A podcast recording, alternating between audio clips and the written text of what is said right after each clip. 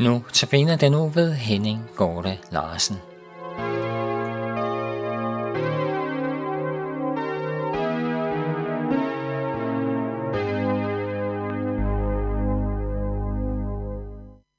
Der liv i et blik på de blødende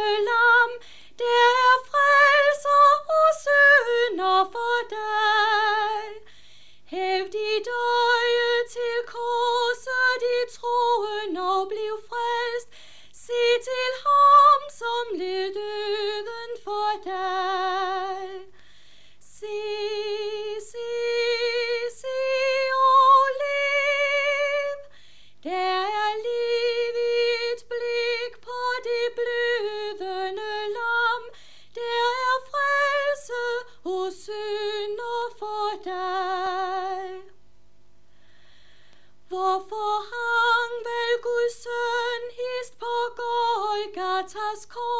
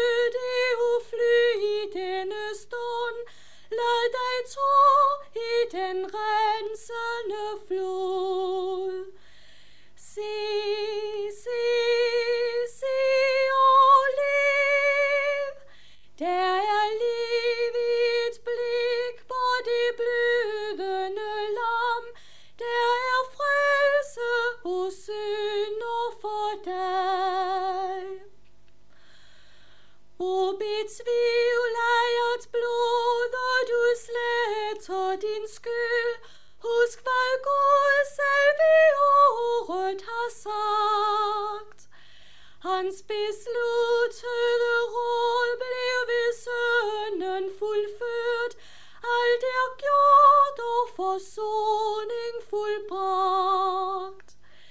Se,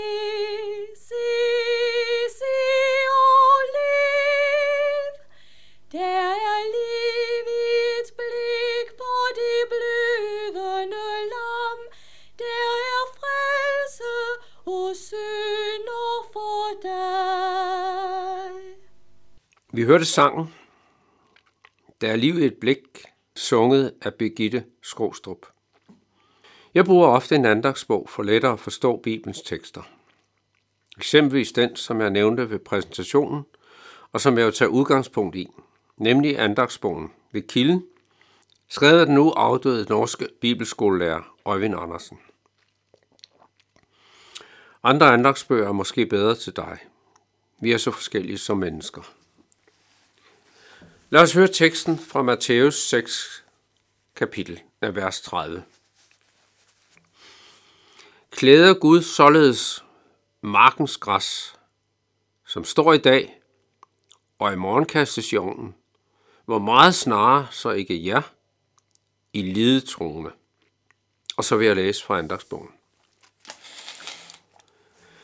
Skaberværket er til for menneskers skyld, siger Guds ord. Se på dette skaberværk, siger Jesus.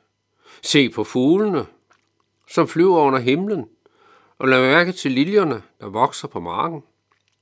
Alt, hvad der er skabt, opretholdes af Gud. Skulle han så ikke sørge for dem, for hvem han opretholder alt dette?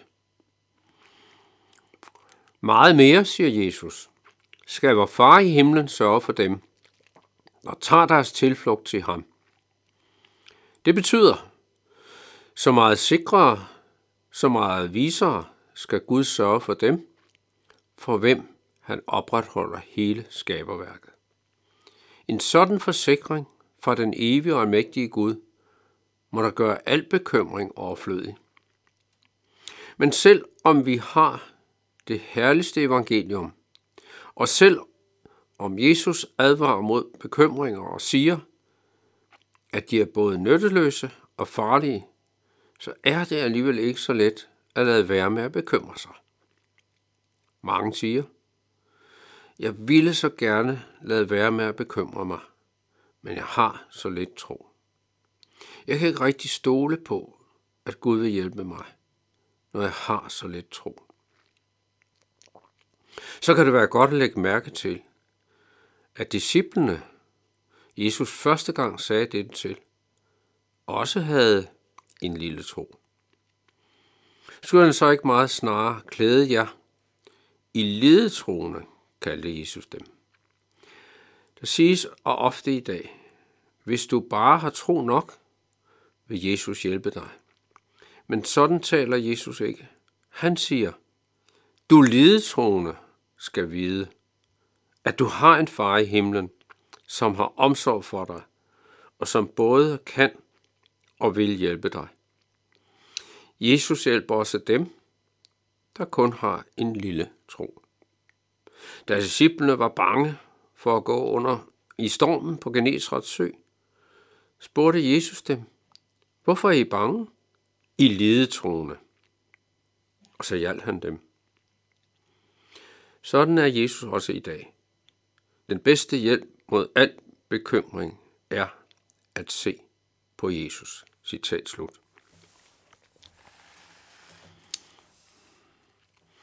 Hvem kan ikke glæde sig over naturens fantastiske farver og formationer? Sådan er det ikke altid. Der er situationer i vores liv, hvor vi stilles over for gro og rejsen.